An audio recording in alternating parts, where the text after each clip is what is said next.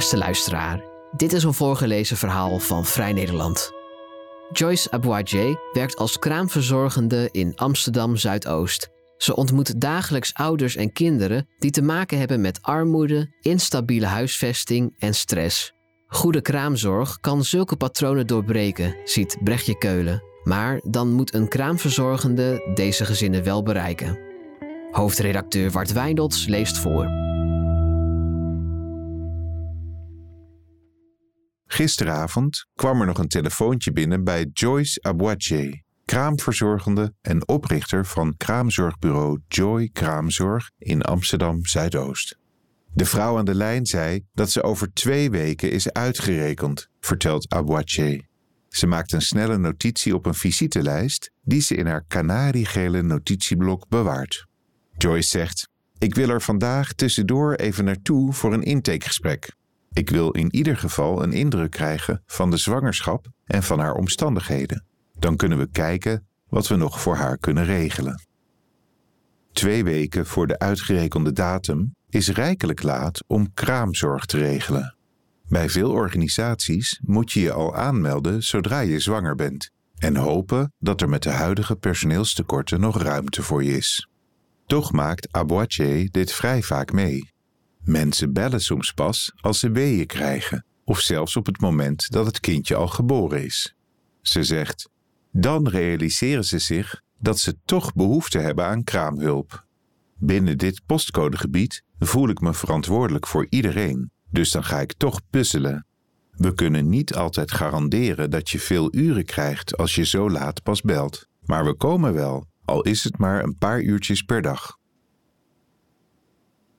In juni 2022 schreven vier grote organisaties, waaronder kraamzorgbrancheorganisatie Bo Geboortezorg en de Nederlandse Vereniging voor Obstetrie en Gynaecologie, de NVOG, een brandbrief aan de Tweede Kamer, waarin ze opriepen om de eigen bijdrage in de geboortezorg af te schaffen. Want hoewel bijvoorbeeld kraamzorg als noodzakelijke zorg wordt gezien, wordt die niet volledig vergoed. Een eigen bijdrage kan oplopen tot meer dan 200 euro. Dit vermindert de toegankelijkheid van zorg, vooral voor vrouwen in een kwetsbare situatie, staat er in de brief. Een paar maanden later, in oktober 2022, trokken kraamzorgorganisaties verspreid door het hele land aan de bel. Het lijkt erop dat een groeiende groep mensen minder kraamzorg afneemt vanwege de eigen bijdrage. Joyce Abouatje ziet de mensen die moeite hebben om kraamzorg te betalen vrijwel dagelijks in haar praktijk. Dit zijn ook de mensen die door hun sociaal-economische situatie jaren korter leven dan de welgestelde Nederlander en ook nog eens veel meer jaren in slechtere gezondheid. Zwangerschapsuitkomsten zijn in deze groep minder goed. Vroeggeboortes en een laag geboortegewicht komen bijvoorbeeld vaker voor.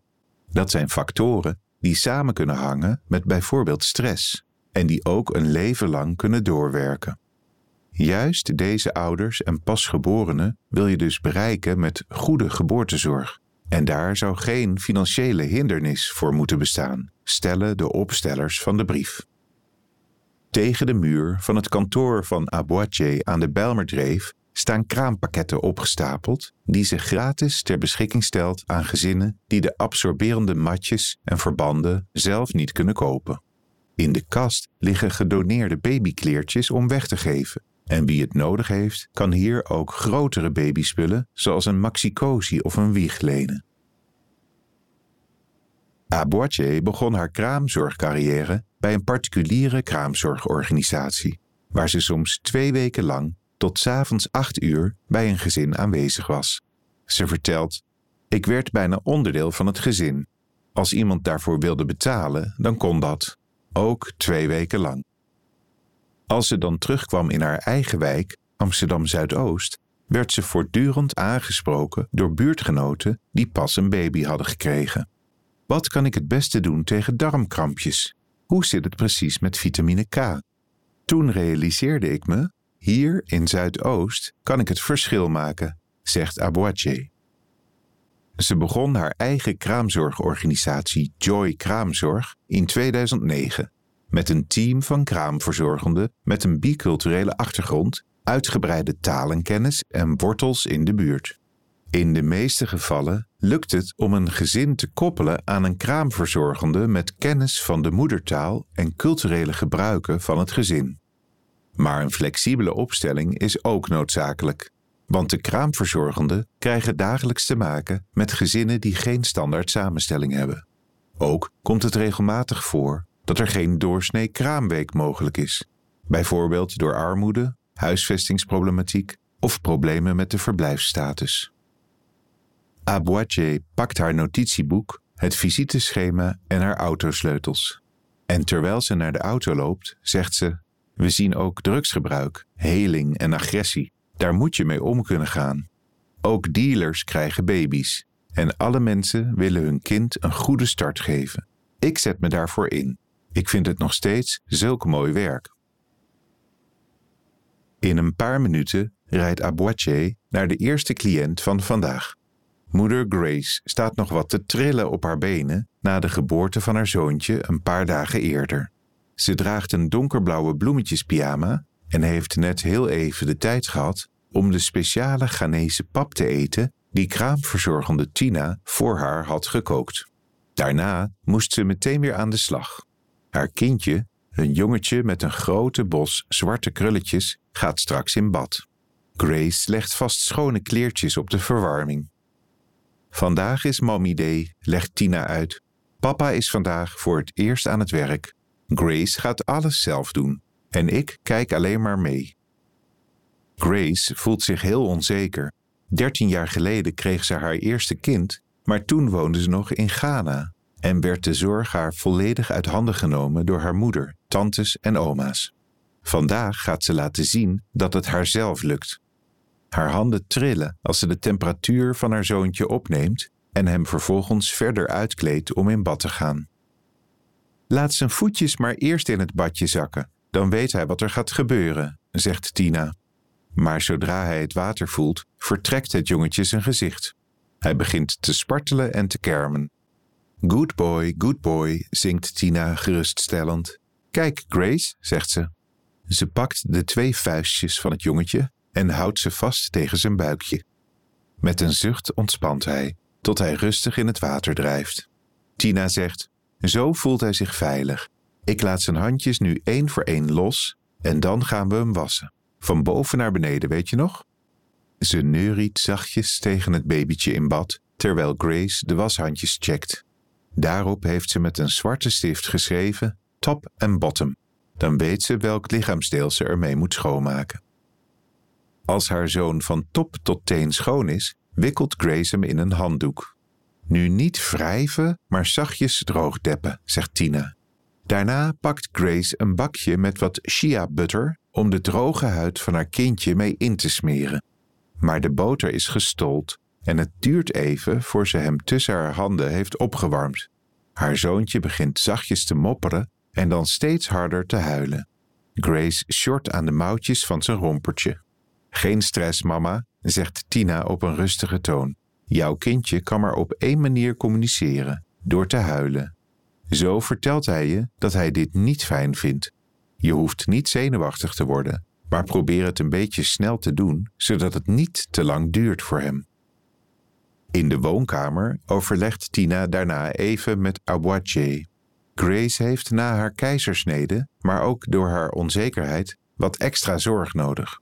Daarom komt Tina hier al twee dagen langer dan gebruikelijk. Ik snap dat jij ook een dag vrij nodig hebt, zegt Aboitier aarzelend tegen Tina. Maar ik denk nu, zou het niet verstandig zijn om vrijdag nog even twee uurtjes te komen kijken en te zorgen dat ze dan helemaal klaar zijn voor het weekend. Kraamzorgorganisaties maken gebruik van het landelijk indicatieprotocol om te berekenen hoeveel uren kraamzorg iemand nodig heeft. 49 uur is gebruikelijk als iemand borstvoeding geeft. Bij flesvoeding wordt het 45 uur. Hoewel meer dan 98% van alle gezinnen in Nederland wel iets van kraamzorg krijgen, neemt zo'n 15% van de ouders een minimaal aantal uren af en 1,2% zelfs helemaal niks. Dat bleek uit onderzoek van het Erasmus MC. Zo zijn er meer dan 25.000 baby's per jaar die geen optimale zorg krijgen. In een standaard kraamzorgweek zorgt een kraamverzorgende ervoor dat jonge ouders gezond, zelfredzaam en vol vertrouwen van start gaan. De kraamverzorgende helpt met de verzorging van het kindje en doet medische controles. Komt het kindje goed aan? Ziet het niet geel? Valt het naveltje er al af? Maar ze houdt ook de moeder in de gaten. Hoe herstelt zij fysiek en psychisch na de bevalling? De kraamverzorgende helpt bij het opstarten van de borstvoeding. Ze maakt het toilet en de douche schoon en ze verschoont het bed. Lijkt een gezin zich om wat voor reden dan ook in een kwetsbare positie te bevinden, zoals bij Grace, dan heeft de kraamverzorgende daar vaak het beste beeld van, want zij komt een paar dagen lang achter de voordeur. Als iemand weinig uren kraamzorg afneemt, is het niet mogelijk al deze dingen te doen. Goed opstarten van de borstvoeding kost bijvoorbeeld veel tijd, maar is ook van groot belang voor later. Borstvoeding is gezond, goedkoop en als het goed op gang is, altijd op voorraad. De ouders ontzien door bijvoorbeeld even iets te doen met de andere kinderen terwijl zij uitrusten om de gebroken nachten weer aan te kunnen, lukt dan ook niet. Voor zorg en advies op maat blijft weinig tijd over.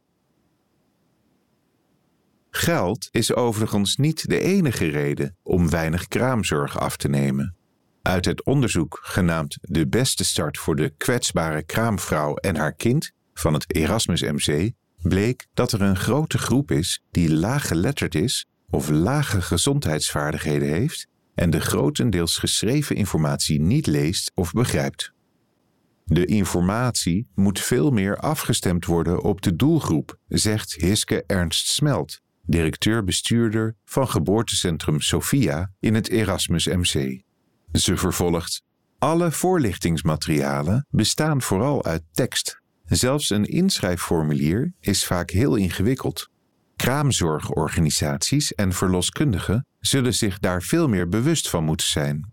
Dit zijn ook mensen die zich niet op tijd aanmelden en die er dan bij de meeste kraamzorgorganisaties niet meer tussenkomen, terwijl je die juist zou willen begeleiden. Uit het onderzoek van het Erasmus MC blijkt namelijk ook dat mensen die geen of weinig kraamzorg hebben gehad in het eerste jaar na de bevalling hogere zorgkosten maken. Naar aanleiding van het onderzoek werkte VAROS, het expertisecentrum voor gezondheidsverschillen, de afgelopen tijd samen met BO Geboortezorg, Kenniscentrum Kraamzorg en het Erasmus MC aan een zogenaamde klantroute die zorgverleners tips en handvatten geeft om de kraamzorg toegankelijker te maken. Zo is er bijvoorbeeld een animatiefilm over kraamzorg ontwikkeld. Projectleider Naima Abouri zegt: Met weinig tekst en veel duidelijke beelden vertellen we hoe kraamzorg werkt. Het is een filmpje dat je gemakkelijk kunt doorsturen en dat mensen bijvoorbeeld op hun telefoon kunnen bekijken. Ieder gezin dat geen zorg krijgt, is er één te veel. En op deze manier denken we de ouders beter te kunnen bereiken. Als een kindje stevig aan het leven begint, is dat echt onbetaalbaar. Aboitier parkeert bij een hoge flat. Ze pakt haar gele notitieboek en bladert naar haar aantekeningen van gisteren. Dan belt ze het nummer van de vrouw die zich toen meldde voor een intake. Ze vertelt: Ik bel altijd als ik beneden sta. Dan weet zij dat we er aankomen en dan kan ze, als ze dat wil, nog net even wat dingen wegleggen of opruimen. Lange stilte. Ze neemt niet op, zegt Aboitier. Even aarzelt ze. Nou, het is dringend, dus we gaan toch maar even kijken. Het intakegesprek is heel belangrijk. Daarin krijgt Aboitier zicht op de belangrijkste dingen die spelen in het leven van een zwangere vrouw. Heeft ze een netwerk? Wie woont er allemaal in de woning? Heeft ze een verblijfsvergunning? Ook de medische voorgeschiedenis is van belang. Aboitier neemt de lift en drukt bij de voordeur van de flat op de deurbel. Het is twaalf uur s middags. Een slaperige bewoner doet open. Niet de vrouw die ze zoekt. Mijn excuses, zegt Aboitier. En terwijl ze terug naar buiten loopt, zegt ze: Ik was er al bang voor. Ze weet haar eigen adres niet. Ik hoop dat ze me terugbelt, en anders ga ik contact zoeken met de verloskundige. Zo'n contactmoment is ook belangrijk omdat ik dan kan uitleggen wat kraamzorg inhoudt. En dat kraamzorg er is om je te ontlasten, niet om je te controleren. Ik stuur voor zo'n bezoekje geen factuur, want ik weet dat ze het niet kan betalen. En als ze uit beeld verdwijnt, dan hebben we helemaal geen zicht meer op haar en haar kindje. Eigenlijk doe ik nu werk voor niks. Iedereen in de buurt kent de verhalen over controles aan huis. Hoeveel tandenborstels staan er in de badkamer? Aboitje zegt: Mensen denken soms dat wij kijken of ze hun spulletjes op orde hebben, of dat wij gaan verklappen dat ze illegaal in dat huis wonen. Totaal niet waar, natuurlijk. Maar het zorgt er wel voor dat ze zorg gaan mijden. Daar willen we doorheen breken, want we willen deze kinderen geven waar ze recht op hebben. Ook als je ongedocumenteerd bent en geen eigen woning hebt, heb je recht op noodzakelijke zorg. Ik zeg altijd: jouw kinderen hebben recht op dezelfde zorg als de Nederlandse prinsessen. Een gezin zoals dat van Grace, vrouw, man, kindje, ziet Aboitier maar weinig in de praktijk. Veel jonge vrouwen wonen samen met familie, met ooms en tantes en oma's. Aboitier zegt: Er is altijd wel een schoonmoeder of zus die zich ter plekke of vanuit het thuisland met de baby bezighoudt. Voor ons is dat soms best een uitdaging. Moeders krijgen alle adviezen mee van hun familie, maar die sluiten niet altijd aan bij de dingen die wij als kraamzorg meegeven. En ouders weten soms ook niet meer waar ze goed aan doen. Wij moeten dan ook zorgen dat we de familie meekrijgen, omdat we uiteindelijk gewoon willen dat iedereen samenwerkt aan een zo goed mogelijke start voor dit kindje. Ik ga dan bijvoorbeeld beeldbellen met de familie in Ghana. Tijdens het weegmoment zeg ik dan: Kijk, oma, uw kleinzoon is weer aangekomen. Of op een ander moment waarop ze kunnen zien dat hun dochter of kleindochter het prima zelf kan.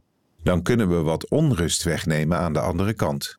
Of ik vraag gewoon: Doe ik dit goed zo, oma? Hoe deed u dit altijd? Alles draait om vertrouwen. Culturele sensitiviteit is absoluut noodzakelijk. Je moet weten wat er wel en niet kan als je een familie een week lang wil bijstaan. Ga nooit op de eerste dag de onderbroeken van de man opvouwen, zegt Aboitier. In sommige culturen is het ook echt een belediging om meteen de stofzuiger te pakken en aan het werk te gaan. Wil je zeggen dat het hier vies is? Dan is de kans groot dat je de volgende dag niet meer welkom bent. Het is een voortdurende zoektocht. Hoe kunnen we de zorg zo inrichten dat mensen hun eigen rituelen en gewoontes kunnen aanhouden zonder dat die de zorg doorkruisen? Gebrek aan correcte informatie over kraamzorg en wantrouwen naar zorgverleners speelt niet alleen in Amsterdam Zuidoost. Zo vertelt kraamverzorgende Laminta Vermeulen van Birth Village uit Rotterdam Zuid dat ze cliënten vaak ziet denken: oh nee, die gaat zich overal mee bemoeien en lopen neuzen in mijn spulletjes. Dan begint ze een intakegesprek niet met een opsomming van wat ze kan bieden, maar met de vraag: wat heb jij nodig? Vermeulen zegt: Ik ben zelf een meid uit Rotterdam Zuid. Ik noem het gewoon een achterstandswijk. En dat helpt enorm. Ik weet zelf ook hoe het is om heel weinig geld te hebben. Ik herken het meteen als ik zie wat mensen in de koelkast hebben staan. Of als ze vragen hoe duur iets is en dan zeggen: Oh ja, ik kijk nog wel even. En ik zie ook veel mensen die helemaal geen kraamtranen krijgen. Dat klopt niet. Als je een kindje krijgt, verandert er zoveel in je leven en in je lichaam. De hormonen en emoties gaan alle kanten op. Maar wij zien vaak mensen die zo gewend zijn aan tegenslagen dat ze helemaal in de survival-modus zitten. Die gaan maar door. Dat is niet gezond. Dan ga ik na een paar dagen even met ze zitten. Even real talk. Hoe gaat het nou echt met je? De roze wolk is hier lang niet altijd de realiteit. De kraamverzorgende is onmisbaar als je het hebt over een goede start, maar dat wordt nog niet altijd erkend. Mensen zien ons nog te vaak als beschuitjessmeerders. Het laatste adres op de route van Aboitier deze ochtend is een flat in de K-buurt in Zuidoost. Een van de liften is kapot. Is de trap geen optie? Aboitier schudt haar hoofd resoluut. Ze zegt: Nee, het trappenhuis is niet veilig hier. Binnen staat Glory, Een vrouw met hoge jukbeenderen en spleetjes tussen haar tanden. Ze heeft een oranje draagdoek om haar middel geknoopt. Op haar rug zit een piepklein meisje van een paar weken oud met een camouflage shirtje aan. Zit ze goed? vraagt Glory aarzelend aan Aboitier. Die kijkt even en knikt dan. Perfect. Glory blijft wandelbewegingen maken, al slaapt het meisje diep. Zoveel mensen hebben me gebeld om te vragen hoe het nu met haar gaat, zegt Aboitier. In de woonkamer flikkert een lamp. Op de grote tv aan de muur flitsen non-stop muziekvideo's voorbij. Het gaat goed, mompelt Glory. Het gaat nu allemaal goed.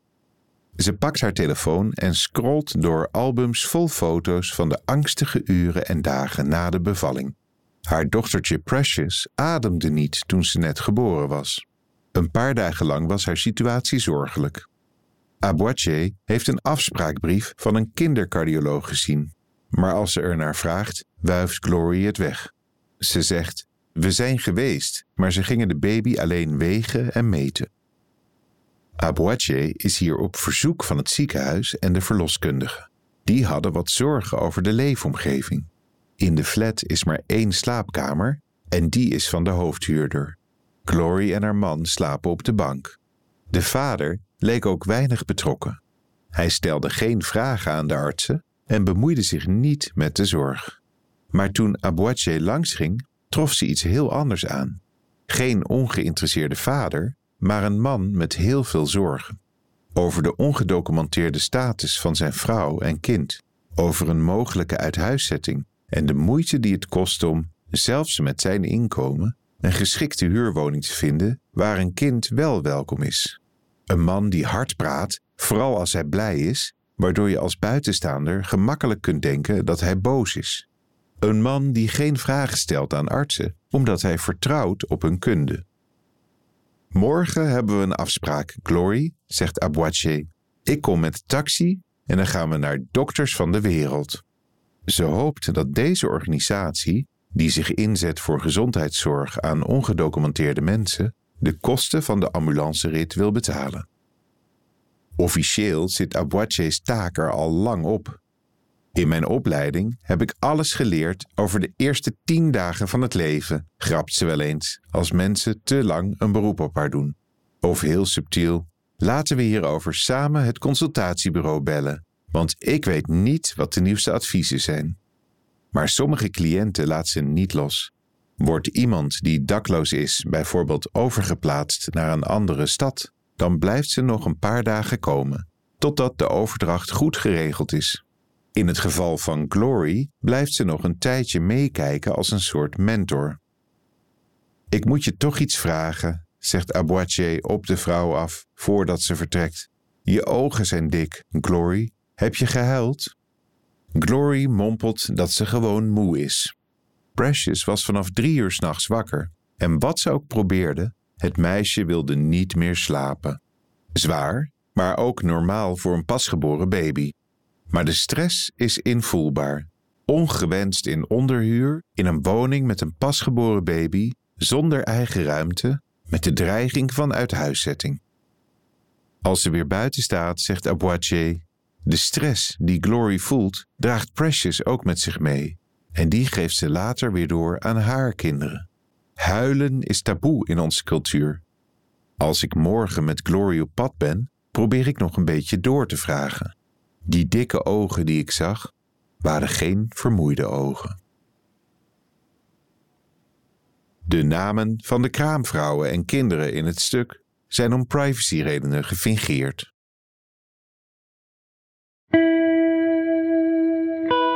Wil je meer verhalen van ons lezen of beluisteren?